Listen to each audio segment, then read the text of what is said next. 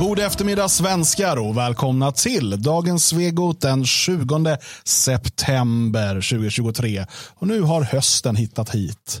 Vi fick en brittsommar, jag vet, några dagar här i september med fint väder eh, som då ersättning för två månader regn. Det är lite som du vet när folk får skatteåterbäring och tror att nu fick jag pengar från staten. Så, ja, de rånade på 200 000 och gav tillbaka en tusenlapp. Åh, snälla ni är. Lite så fungerade den här eh, sensommaren. Jo, så, så var det ju faktiskt. Men eh, nu blir det höst som sagt, det blir kallare och vi får väl se hur det blir i vinter här. Om, eh, om det blir den här eh, problematiken som förra gången då vi inte ens har råd att värma upp oss här i huset. Så var det ju förra året. Så var det. Eh, det var väldigt, väldigt kallt här och eh, om du inte eh, redan har gjort det den här månaden, gå in på detfriasverige.se och kolla in vinterhjälpen. Se till att hjälpa oss och se till att kunna betala elräkningarna i värmen här om inte annat. Det hänger ihop med det, de försöken som fanns förra året att försöka stänga ner vår verksamhet med alla möjliga sorters myndigheters hjälp. Så misslyckades, men det blev en dyr affär för oss. Eh, Vi har ett insamlingsmål att nå under året på 250 000 kronor för att täcka upp de utgifter vi hade. Och jag tror att insamlingen är på 215 eller så, så vi är väldigt nära målet. Så in på detfriasverige.se och scrolla ner till Vinterhjälpen och eh, hjälp till med en gåva du också. Det är väldigt eh, både viktigt och uppskattat. Idag, kära vänner, ska vi tala om eh, vi har skrivit här, ska vi ge upp? Mm. Och jag tänkte att eh, jag har ju alltså i min eh, egen podd Härden där, eller vid Härden som det heter nu, då, jag avslutar alltid med att ge aldrig upp, men ah, jag vet inte alltså, fan, kanske börjar bli dags ändå. Alltså, när jag hör vad de säger och så här, uh, Kjöller, Lindberg, politiker, sådär, fan, kanske. Vi får se under programmets gång hur det utvecklas. Sen är ju frågan också, ge upp vad? För, för det är också det är, det är ett väldigt brett eh, liksom, påstående, eller fråga, ska vi ge upp? Ge upp eh, vad då? Parlamentarisk seger? Ge upp eh, rätten till ett land för svenskarna? Ge upp eh, framtid för våra familjer? Eller ge upp onsdagskvällar? Jag menar, det, det finns ju många saker man skulle kunna eh, lägga på det. Ja. Eh, så att det är en bred fråga, men jag tror att det kommer bli tydligare när vi tittar på de här exemplen som vi utgår ifrån. Ehm, och jag vill att vi ska börja med en eh, liberal feminist. Det är ju den härligaste formen av dem också. Ja, inte nog med att hon är feminist, hon är liberal också. Ja. Eh, och hon har under lång tid varit eh, ledarskribent i Dagens Nyheter, men eh, också skrivit på Expressen till exempel. Ja, men det gör bara ondare och ondare det här. Vilken, alltså henne skulle man vilja omvända. Jag tror det. Hon har gett ut ett antal böcker och sådär också. Några, några, några månader med, med mig så är hon eh, fan en, en valkyrie. Hon föddes 1965 i Uppsala. Eh, och ändå, trots att hon har levt så oerhört länge. Hon, alltså hon har levt längre än Jalle Horn, ni fattar.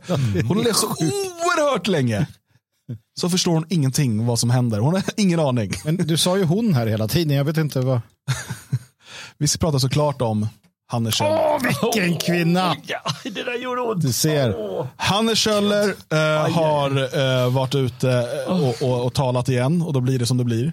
Men jag tycker vi ska lyssna på det här klippet från, det är någon typ av paneldiskussion, Henrik Jönsson är där säger jag. Så- Vilket gäng. Ja. fan vad sopigt. Henrik Jönsson satt och hånade folk för att de eh, kände sig osäkra i Malmö och sen satt och grät för att han kände sig osäker i Malmö. Men alltså, Henrik Vad tog det Jönsson- ett år från att han satt och hånade folk och bara, "Ah, det är inga problem och invandringen är jättebra. Men det är så osäkert för min familj i Malmö. Han, han är ju en sopa av rang. Jo, det är klart han är. Alltså de här människorna. Charlatan ja. Charlatan. So, En sopig charlatan. Nej, han är en ganska bra charlatan. Han är en charlatansopa. Vi ska eh, i alla fall lyssna på eh, någon som är snäppet bättre än honom och det är ju då Hanne Kjöller. och eh, hon säger så här. Jag är ingen domedagsprofet. Men jag tycker att det som händer nu, det hade jag inte kunnat föreställa mig för ett par år sedan. Eh, Så att jag känner så här, är det osannolikt att det är i den riktningen vi är på väg? Och jag tror att det var eh, Johanna Lernby som skrev den här boken om eh, familjen. Som också berättade om områden i Göteborg där man införde såna här inpasseringsregler och man sa att du får inte komma in och sådär. Och, och man liksom lät det hållas från polisens sida. Man har låtit det hållas att de har haft, eh, tagit hela källarförråd i beslag och ah, förvarat knark och vapen där. Därför att man har liksom inte velat bråka om det och det är ju ändå viktigare saker som händer. Medan det här med nolltolerans som är ett ord som jag hatar och nollvision som jag hatar därför att en del skit får vi leva med i vårt samhälle. Men här tycker jag någonstans att det här är en maktdemonstration och det är ett totalt parallellsamhälle och, och eh, därför så tror jag att Eh, alltså den här, jag ska inte säga att vi kommer bli som El Salvador var 2015, men jag säger så här, det är åt det hållet vi går. Och bara för 17 stoppa det medan tid är. Och då kommer vi, vanliga människor, eller vad jag ska säga, vi kommer få betala i form av integritetskränkningar i någon form. Men jag är i alla fall beredd att betala det priset för att inte hamna där. Va? Jag, jag trodde clownvärlden var på fredagar. Vilken jävla tönt han är alltså. Alltså det här fruntimret, hon, hon låter ju en massa. Ja, ja. Men jag bara tittar på den där, han står där, som, vilken tönt alltså. Henrik Jönsson, du är en tönt. Uh, där har vi det, första sanningen sagd. Den andra sanningen är ju, uh, vilken kvinna. Nej, men uh, det är ju fantastiskt att höra. För ett par år sedan kunde inte Hanna Kjöller. Varför ska Hanna Kjöller överhuvudtaget få skriva i DN? Ja, alltså precis. Varför ska hon ha en plattform om hon inte kunde se att det här skulle hända? Ja. Vad är hennes kommentarer värda ja. någonsin? Jag, jag begriper inte. Det är som att man vet, jag vet inte. Medan Titanic sjunker, det är lite kvar mm. ovanför vattnet. Hon står där och bara, tror ni skeppet kommer sjunka? jag ser inte det framför nej, mig. Nej. Men, men, och sen så då några timmar senare, så bara, ja, men för några timmar senare när jag, när jag var på skeppet, nu är jag ju i båten, så, så, tänkte jag inte att det kunde sjunka. Bara, men det var ju sjunket. ja, Henrik Jönsson. Men nu, nu måste vi göra hål i den här livbåten. Henrik Jönsson, ja. ja.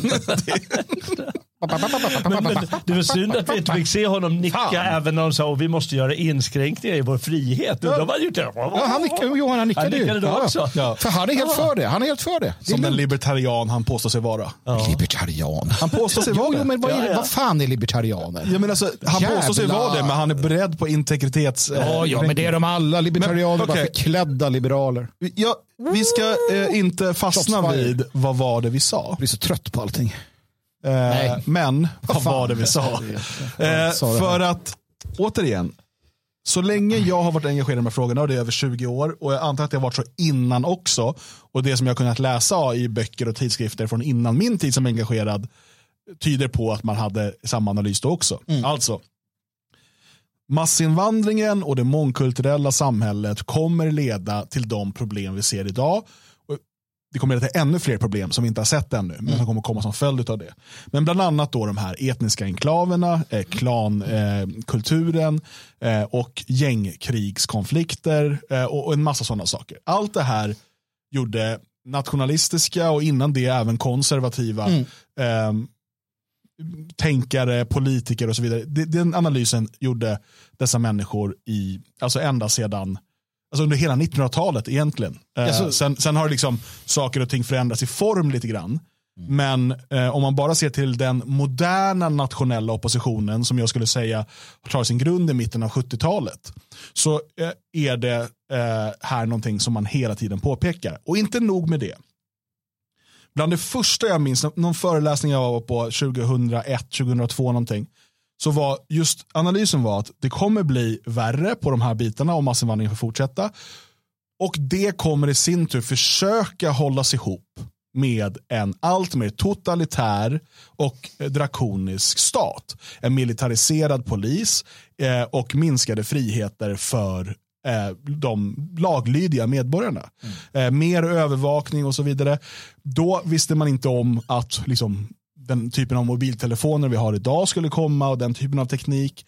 Allt det här kunde man inte veta, men man visste liksom åt vilket håll det skulle gå. Vilken, sen att det inte är exakt den teknologiska formen, mm. men att det skulle gå ditåt. Det här var alltså klart för både eh, liksom välutbildade eh, akademiskt lagda nationalister på den tiden och liksom rena amatörer som bara kunde liksom lägga ihop ett och ett. Och Vi kunde också titta historiskt. Hur har man hållit ihop mångkulturella riken eh, historiskt sett? Hur har man försökt lösa det? Och eh, Ofta har man tagit Jugoslavien som ett exempel. Mm. Anledningen att man kunde hålla dessa olika folk under en och samma statsbildning var eh, genom en stenhård diktatur under Tito. Mm. Och det håller ju bara ett visst tag. För det kan jag ju sen då avslöja att det som kommer hända efter att järnhälen har fått breda ut sig eh, och till viss del fått lugn på vissa saker över en tid. Det är att det är bara en tidsfråga innan den faller som alla andra totalitära regimer. Men jag blir så trött också på så konservativa eller liberalkonservativa för de borde ha koll på sin historia. Vi har ju koll på vår historia som nationalister. Uh, och vi brukar återkomma till ibland då uh, Enoch Powell. Uh, Enoch Powell 1968 inför mm. konservativa i Storbritannien håller det som kallas för River of Blood speech där han säger As I look ahead, I am filled with foreboding. Like the Roman, I see the river Tiber foaming with much blood. Och han pratar ju då om eh, massinvandringen till Storbritannien och kolonialfolken kolonial, eh, som kommer. Och, och, han pratar ju om ett blodbad. Han pratar ju om alla de här sakerna. Han är konservativ, anständig, säkert tjänstgjord i andra världskriget, säkert sköt nazister. Han hatade säkert nazister. Jag vet inte, han kanske var buffare också. Jag har ingen aning. Men alldeles oavsett, och, och en sån som Roger Scruton. Det är ju liksom det är verkligen den här formen av titta de har fina kläder och de är anständiga och de är, talar fint och sådär som man ska göra. Som, som den här jävla Sveriges-klassen älskar. Men inte ens det kunde liksom hjälpa utan det var liksom rakt in, hål i huvudet hela vägen. Svensk konservativ, de svenska konservativa är ju det sämsta som fan, fan, fan ta mig finns alltså.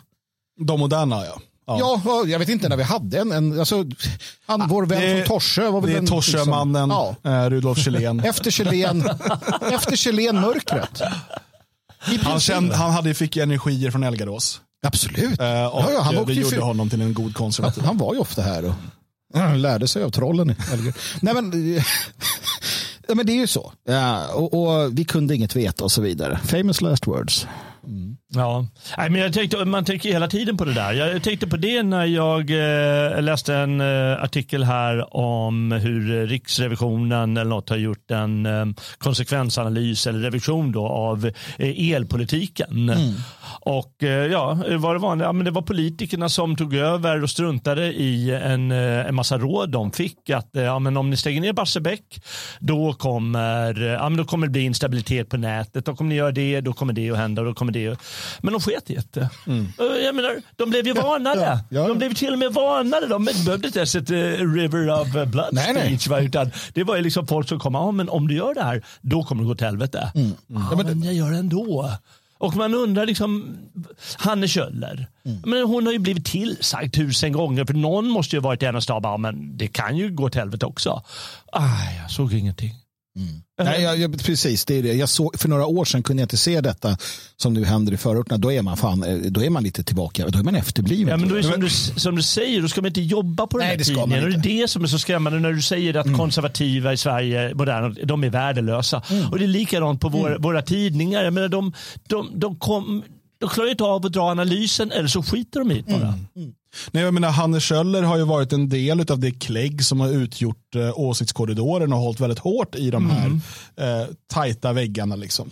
Och, eh, jag menar, för mig som då växte upp i förorten, i en invandrartät förort och såg de här problemen redan då, eh, liksom, även om de var i mindre skala än vad de är nu, och, och började tala om dem vi fick ju höra från Hanne Kjöller-typer att mm. vi ska hålla käften, det där är rasism, ni har fel. Mm. De ville inte ens lyssna på oss som, som eh, upplevde baksidorna ganska tidigt. Mm. Eh, alltså då, det här på 90-talet. Och det fanns, jag var absolut inte först. Det fanns människor innan mig också som, som såg det här. Eh, och men, men det skulle man absolut inte. Och Sverigedemokraterna skulle man inte prata med. Man skulle inte ens liksom, man skulle inte legitimera dem. Man skulle inte ta debatten och så vidare. Eh, och allt det här har ju gjort att Sverige det, den reaktion som skulle behövt komma 1988 mm. börjar man tala om 2023. Mm. mm. Det, det, och det beror bara på att Hanne Kjeller-klassen ja. Har eh, sett till att det här inte ska debatteras och det här ska inte vara en fråga. Och det, som, det som också blir då väldigt tydligt nu det är att man ser hur det liksom förändras. För att nu har man insett att det går åt skogen. Och då säger man antingen som Anders Lindberg att Nej, men vi måste bara in fler, fler, fler, fler. Eller så säger man som Anders Kjöller, vi får acceptera att de tar friheten ifrån oss. För det är ingen sån självreflektion att fan vi borde ha sagt nej för 20 år sedan, det var dumt. Utan så här, nej jag visste inte att det kunde hända. Och det är samma sak jag ser hela tiden. De som är ansvariga för detta, de som nu börjar bli Alltså som röstade på Moderaterna och som röstade på sossarna och som nu säger Åh, vad är det som händer? Det finns ingen som helst självinsikt i att de Nej, men, är ansvariga. Och jag, och jag, nej, och jag, men jag håller eh, människor, vi säger så här, vanligt folk som har jobbat hela livet på någon, bedriver något företag eller gått på någon fabriksgolv eller sådär. Att de inte har liksom eh, satt sig in i de här frågorna och så. Jag håller inte det emot dem. Jag vet att människor är upptagna med sina egna liv. Men om du som hon jobbar med politisk analys, Ja. för det är det hon har gjort som ledarskribent. Då, att du då inte ser det, Ja. då är du skyldig. Ja, då är du skyldig. Men också eh, Henrik Jönsson-typen Mm. som sitter och nickar till det hela, är, är hela istället för att bara säga men vad i helvete, Ja, vad nu, får, du, nu får du fan sluta Ja. prata. Va? Nu tar jag över för du har ju själv åsamkat Ja, det här. Som så vi bara håller Mm. med och så, ja, ja, ja, allihopa. Och det har väl någonting med att de, det, har, det har blivit så, de har blivit likadana. De är klonade hela gänget på Ja, men sen ska man ju vara anständig. Jag vet inte hur många gånger jag har hört det. Man måste vara anständig. Du, kan inte, du får inte vara så burdus. Man ska inte, nej, man ska inte säga sådär. Inte vara så arg. Och, det, alltså, och, och det kommer från en, en, viss del av det här. Eh, alltså vår miljö som tycker det. Så här, men sådana som ni. Ni på Svegot, ni är för oanständiga. Ni, ni pratar om ras. Fy fan. Ni, ni säger judar, säger Katarina Janouch. Man ska inte prata om judar. Usch, judar är inget. Och så vidare. Och så vidare. Kommer ihåg när Mattekainen lackade ur på oss? Ja, Mattekainen, som, Han var så arg när han ville berätta hur dumma nazisterna var. Nazister var det sämsta som fanns. Hade nazisterna vunnit Mattekainen så hade du... Hade du varit nazist? Precis, då hade du varit nazist. Eh, nej, men, vi säger sådana jobbiga saker som att 1945 så förlorade Europa. Det betyder inte att, att Jalle går ut och goosesteppar med, med höjd höger, högerarm. Men det är, ett, det är ett ganska intellektuellt ärligt eh, konsekvensställningstagande. Det hade kanske varit jobbigt på andra sätt. Det vet inte jag. Men vi hade i alla fall inte haft det här. Liksom. Men, Jag skulle till och med vilja hävda att hela första halvan av 1900-talet förlorade Europa. ja, absolut. Alltså de två världskrigen och allt där som finns däremellan. Ja. Det är, Men, Ja, men, ja. men, det, är- men det är något mentalt som har hänt här med, med människor som inte klarar av alltså, inte klarar av att se det och inte vill greppa det. Och det är som jag eh, sa till någon att de blir så jävla tuktade och snörpta svenskarna. Och tänkte jag så läste om den här flickan Mm. som blev överkörd i USA. Och då kommenterar hennes eh, föräldrar det. Eh, om, de är rädda att han ska bli fri från för borgen.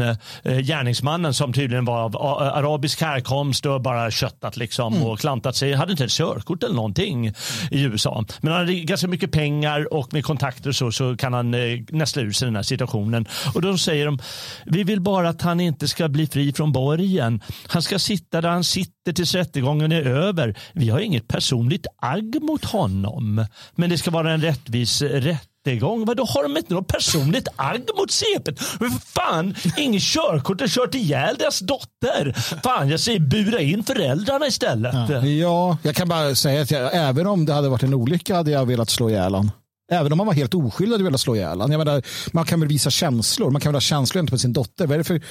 Ja, jag ska inte säga något taskigt om, om föräldrar. om Jo, du ska vara inte så Ja. jävla anständig. Var en barbar nu för fan. Du sa nyss att de skulle buras ja, in. Okej, de ska buras in. Till schavotten med dem. Ja. Nej, men att de så jävla tuktade alla och inte, inte vågar säga vågar inte säga någonting. Men, men här är ju, det, det som Hanne Kjöller ger uttryck för, och nu kommer vi till titeln på det här programmet, det är att hon ger upp. Ja. Ja. Hon ger upp och säger att ja, men, ta våra friheter ifrån oss. Precis. För nu, nu har det här fått gå så långt, tack vare mig bland annat. Då.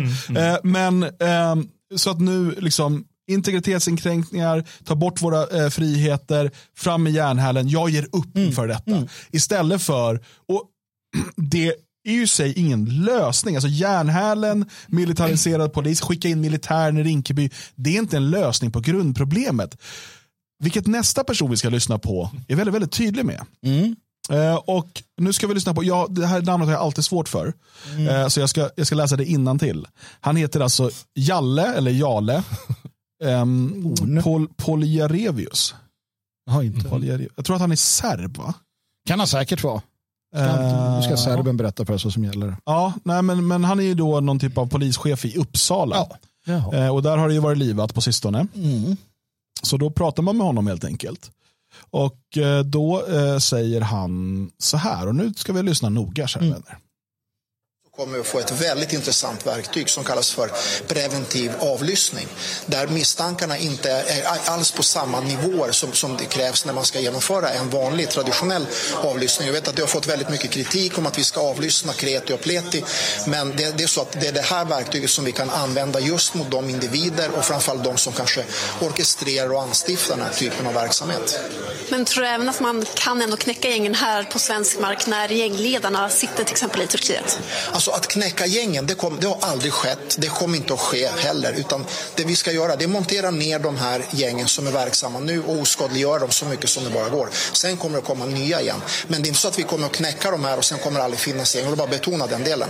Och, och självklart, att, att montera ner de gängen när det orkestreras från utlandet, det är ju ett extra försvårande moment för oss. Absolut. Jag tycker det är ändå befriande med en, äh, den ärligheten. Ja, verkligen.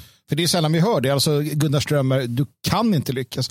Eh, Vilket också inte är helt sant. Han säger det har aldrig hänt, kanske inte i Sverige, men vi vet ju att eh, Benito Mussolini eh, knäckte den italienska maffian. Det finns på Sveating en artikel om detta. Um, och, och det krävs en järnhäll, absolut. Um, på en nivå som... ja, det, det är inte som, roligt. som, som kanske då, om han nu är från Serbien eller var han nu är från, att han, han förstår Mm. vad, vad det är för gäng vi pratar om och eh, hur världen ser ut i en, eh, en, en värld som är normal enligt hans, eh, kanske eventuellt hans bakgrund, om han nu är därifrån. Mm. Ja, det är så det funkar och det är så det kommer att funka i Sverige antagligen. Det har han Ja, säkert rätt i. Och, och där har man ju också någonstans alltså, gett upp. Ja. Man har gett upp inför att det går inte att knäcka de här gängen. Och han, han må ha eh, en poäng i det och det kan vara må hända mer eller mindre sant utifrån de förutsättningarna som är nu. Men naturligtvis eh, med, med, med ett, ett, svenskt Sverige med och så vidare och så vidare så går det naturligtvis att komma åt och knäcka gängen. Eller som eh, Så här krossas den organiserade brottsligheten, heter artikeln på Sveting från 13 juni i år som ni bör läsa i detta ämne, sveting.se. Och du säger här ge upp. Och, och det som både han och Hannes Schöller ger uttryck för, eh, det är ju för att Hannes Schöller säger vi behöver då ha de här eh, integritetskränkande åtgärderna som sen Jalle talar om. Eh, men eh, och hon ger upp inför att okej, jag ger bort liksom min, eh, min rätt till privatliv och så vidare för att ni ska få de här verktygen, för vi måste stoppa det här. Han, Jale, som jag tror att det heter, för det är bara ett L, han säger, ja, snart får vi de här verktygen. Och då kommer vi kunna montera ner gängen, men sen kommer det nya. Ja. Så det löser inte problemet i längden. Och ingen av de här två ger uttryck för det som skulle kunna vara en lösning. Utan båda är beredda att underordna sig liksom ett sämre samhälle. För imperativet är att mångkulturen måste vara kvar. För det får aldrig ifrågasättas. Det är den heliga kon som inte får slaktas. Så att då har vi återigen den här åsiktskorridoren. Om vi ska då diskutera lösningar inom citationstecken så måste det ske inom väggarna i den här åsiktskorridoren som säger att och, och mångkulturen är utanför den. Den får liksom inte avskaffas eller ifrågasättas. Nej. Utan då ska vi hålla oss innanför mångkulturen. Och vad är det då för så kallade lösningar som finns inom mångkulturen?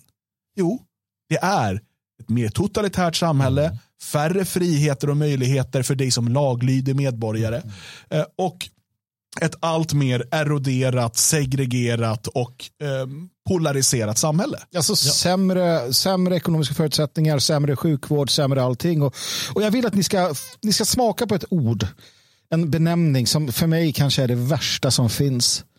Och det är det som väntar. Liberal demokratisk diktatur. Där Johan Persson och hans gäng har en total makt över ditt liv. Alltså, jag, jag är inte främmande för villkorad demokrati. Jag, jag gillar, jag vill ha en stark monarki. Jag kan tänka mig en massa villkorade eh, demokratiska. Alltså, men just en liberaldemokratisk diktatur. Jag kan inte tänka mig något vidrigare. Nej.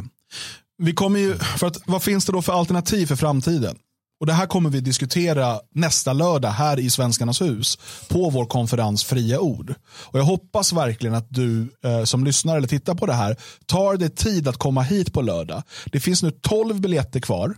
12 biljetter kvar att boka inne på detfriasverige.se fria ord. Eller så går du bara in på detfriasverige.se och klickar på den stora bannern högst upp. Boka din plats dit. Det kommer bli superintressanta diskussioner. Du kommer ha möjlighet att träffa några av de skarpaste hjärnorna i den nationella oppositionen i Sverige. De kommer vara både i publiken och på, på scen. Mm. Precis, precis. Så att De är överallt. Det kommer vara eh, en väldigt, väldigt intressant eh, dag och kväll, eller framförallt kväll eh, tillsammans. Det börjar 17.00.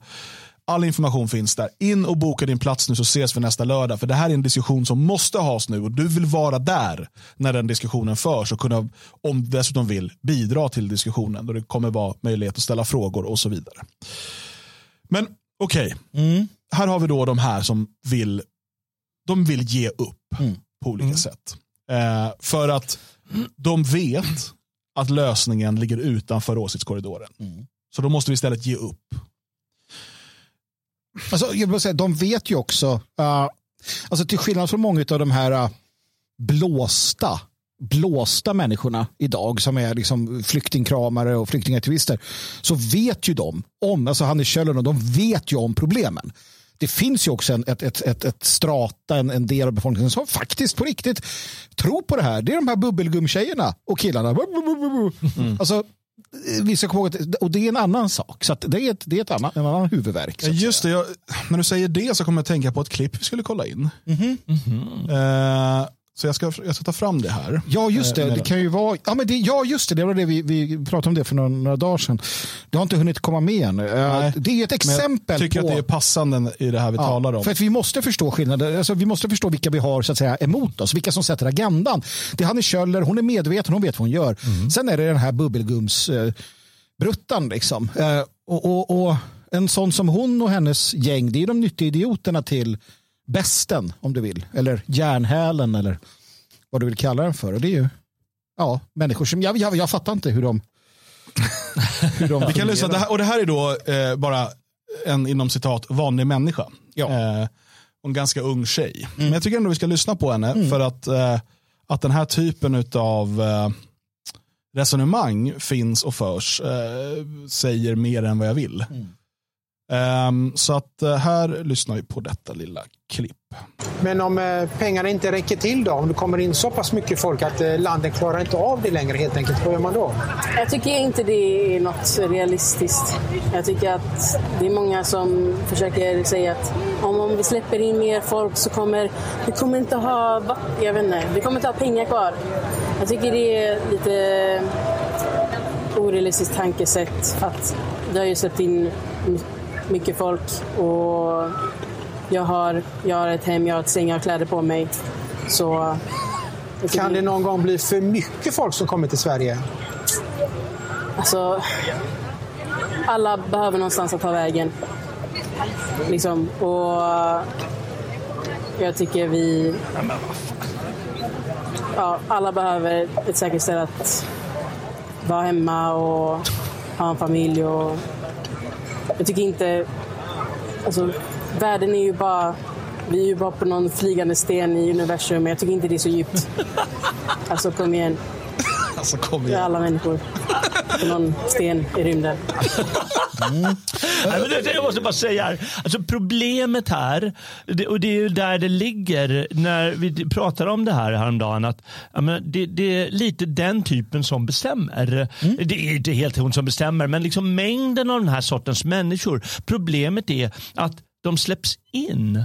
Jag menar, hade det här varit för 40 år sedan och börjat intervjua henne, då hade de, ja men det här går ju inte. Hade de sagt, ja tack så mycket, avbrutit intervjun och gått vidare och frågat en annan människa som ger ett vettigt svar eller som kan prata i alla fall. Men nu ska hon komma till svar, för det är väl, de valde väl ut henne, de provade fem stycken och så mm. tyckte här får vi det svaret vi vill ha, eller vad, vad är det? Ja, det här är ju en eh, Sverigevänlig youtuber som, Aha, okay, som ja, ja. han pratar ofta med folk på stan och det kan vara lite allt möjligt. Mm.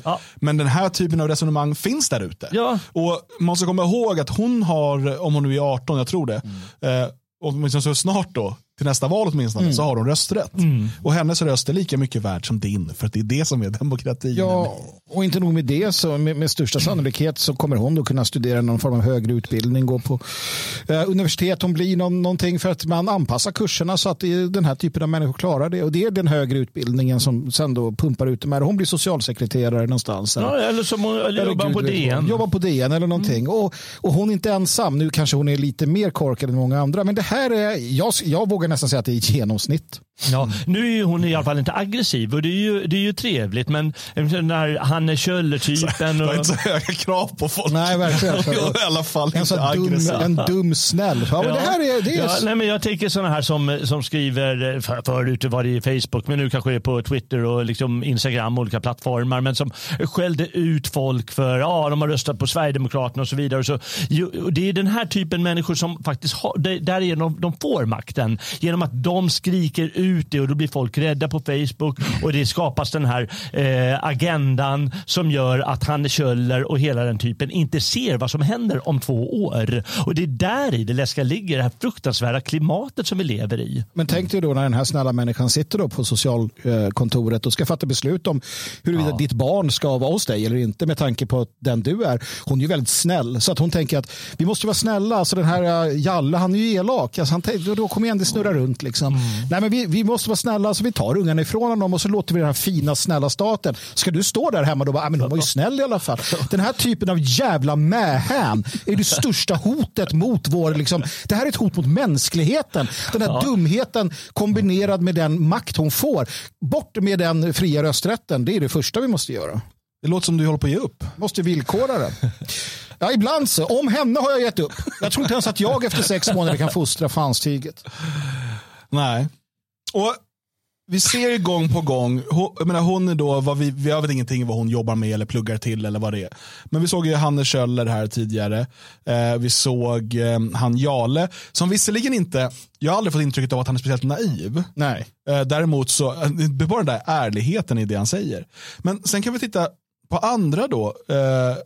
Och, för det är något intressant som håller på att hända nu med eh, Socialdemokraternas whitewashing av sin invandringspolitik. Jag har precis fått hem den här eh, lilla pamfletten, jag tror det var en bok. Den var ju typ 100 sidor tjock. Eh, den här um, Ett farväl till Bullerbyn tror jag den heter. Ja, just det. ja. Mm. Eh, Ja. Av Åsa Eriksson kanske. Ehm, och, eh, som är då från eh, Tankesmedjan-tiden, alltså Socialdemokraterna. Och det är ett försök att liksom sälja in bilden av att socialdemokratin nu har gjort upp med liksom sin historia med, med massinvandring och nu förstår att ja, men, segregation var dåligt och sådär. Eh, jag har inte hunnit läsa hela än, men, men det, när jag bara bläddrade i den så har ni sett den här gröna kräkemojin? Ja, ja, så kände jag mig. Vad, vad kostade den? här? Den kostade 207 kronor. Jag. Handla från logik säger jag. Ja, nej, det, var, det kändes smutsigt. Eh, men jag får dra av den på skatten. Ja, men det är bra. Det är bra. Ehm, men vi ska titta på en annan sosse då som, som håller på med det här. Eh, och då beger, oss, beger vi oss till Borlänge. I Dagens Samhälle skriver eh, man idag, nej i, förrgår skriver man om att det är växande segregation i Sverige. Och då har man talat med han som man då eh, kallar för den ledande politikern i Sveriges mest segregerade kommun. Eh, och han heter Erik Nises. Eh, han är inte släkt med Mises vad jag vet. Men Erik Nises då, han är då eh, kommunstyrelsens ordförande i Borlänge. Eh, vilket är svenska motsvarigheten till borgmästare. Han är högsta politiska chefen i eh, Borlänge kommun. Han var tidigare eh, politisk sekreterare åt Stefan Löfven mellan 2012 och 2018. Han bor på Tjärna Ängar. Nej, men han är uppvuxen i en villa nära Tjärna ängar. Ja, ja, ja. ja. Paradiset Då vet ju han hur det är. Ja, det, det gör han säkert. Jag vet inte. Eh, Men han flyttade ifrån Borlänge till Stockholm, till innerstan i Stockholm för länge sedan. Och började jobba där för eh, Stefan Löfven. Men nu har han kommit tillbaka då och blivit... Och bor i Tjärna Ängar. Nej, nej, han bor inte i Tjärna ängar. Han bor i en eh, 180 kvadratmeter stor villa värderad till säkert 4 miljoner tror jag. I Borlänge. Det är ganska mycket i Borlänge. Men då är det ju typ Vita 16 huset i i Borlänge. Sverige. Det är ju I fantastiskt. Sverige. Stockholm. Stockholm. ja, men, men det är inte det stora problemet med honom. Vi pratar om eh, whitewashingen av socialdemokratin. Här. Ehm, för att Erik Niese säger att det är bisarrt att det fick bli så här. Åh, jag älskar när sossar säger det. Det är bisarrt att det fick bli så Fan, här. att det fick bli så. Ebba Pulla sa det. Alltså, jag, jag, jag vet inte, jag, jag, håller, jag håller käften nu. Jag, jag ger upp. jag, jag, jag ger upp.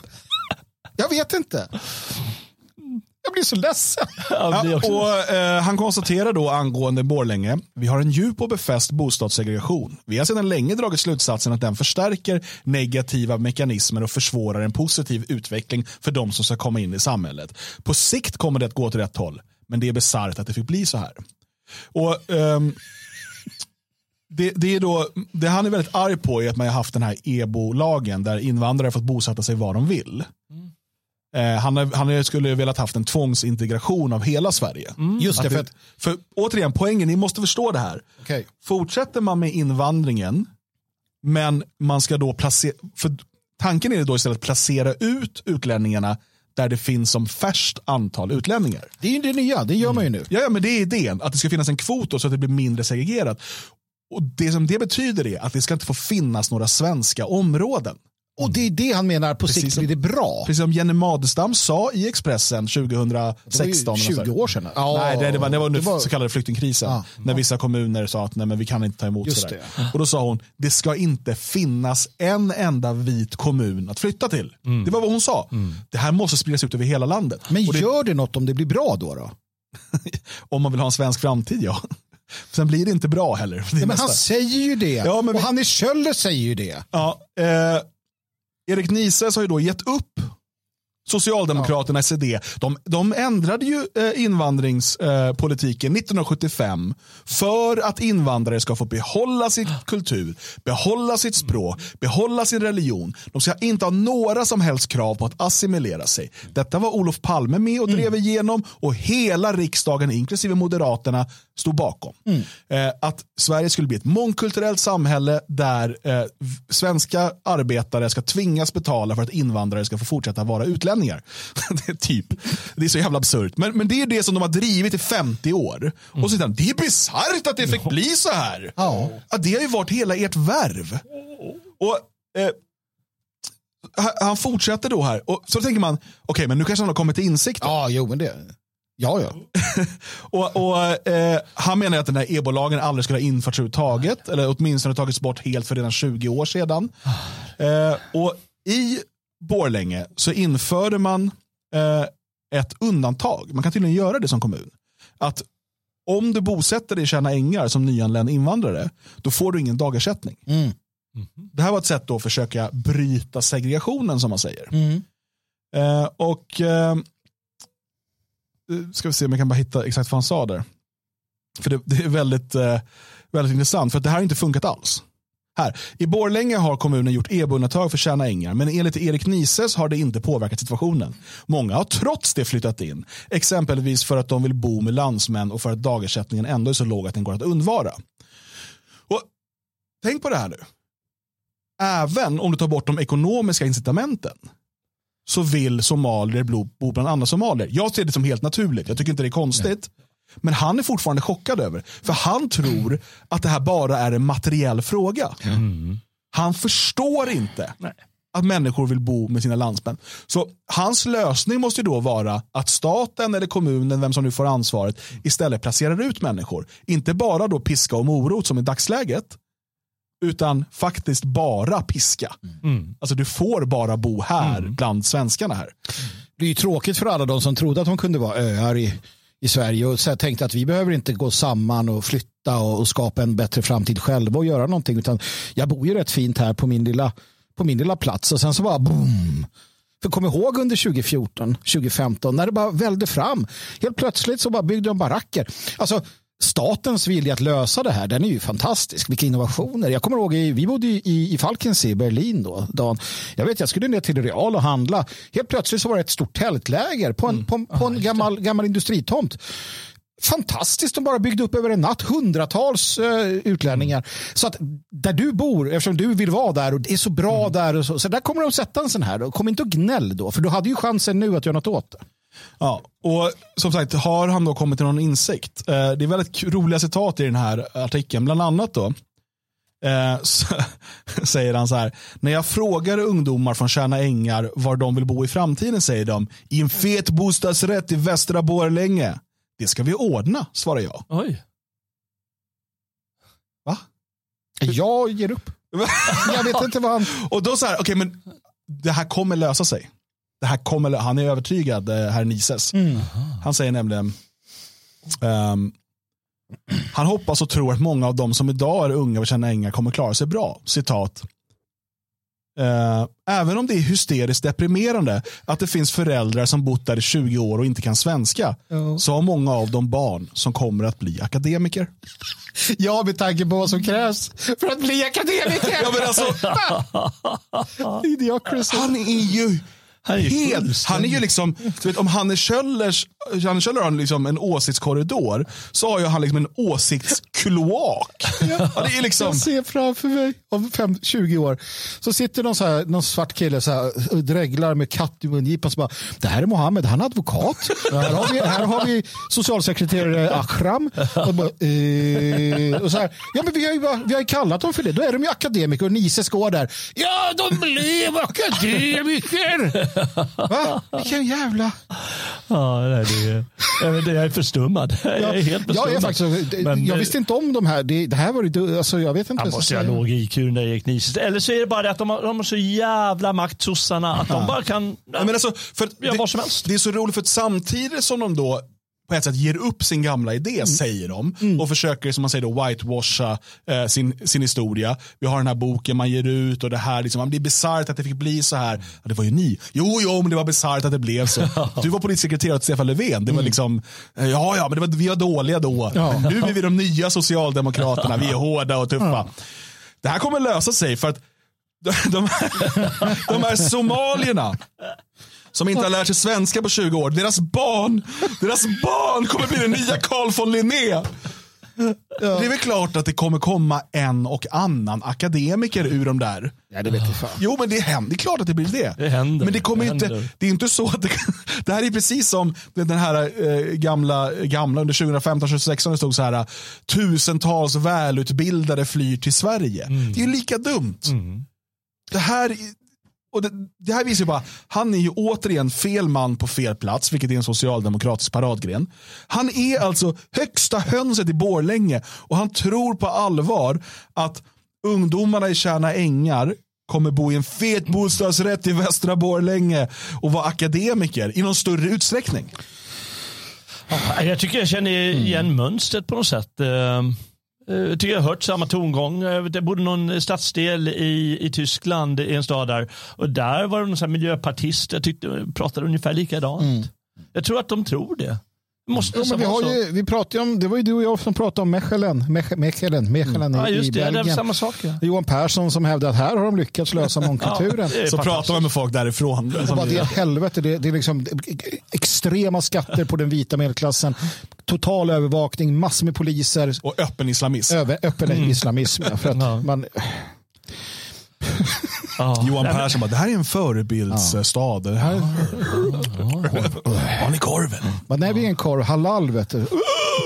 Nej, men eh, de är väl helt enkelt lite intelligentare så, än så när de inte kan se vad som händer, kommer hända om två år. Det, är- för det, det är likadant med honom. Han är inte annorlunda än Hanne Kjöller. Det är samma person. Ja, men det, det är det här vi har gjort. Ett, vi har gjort ett problem, eller gjort ett fel.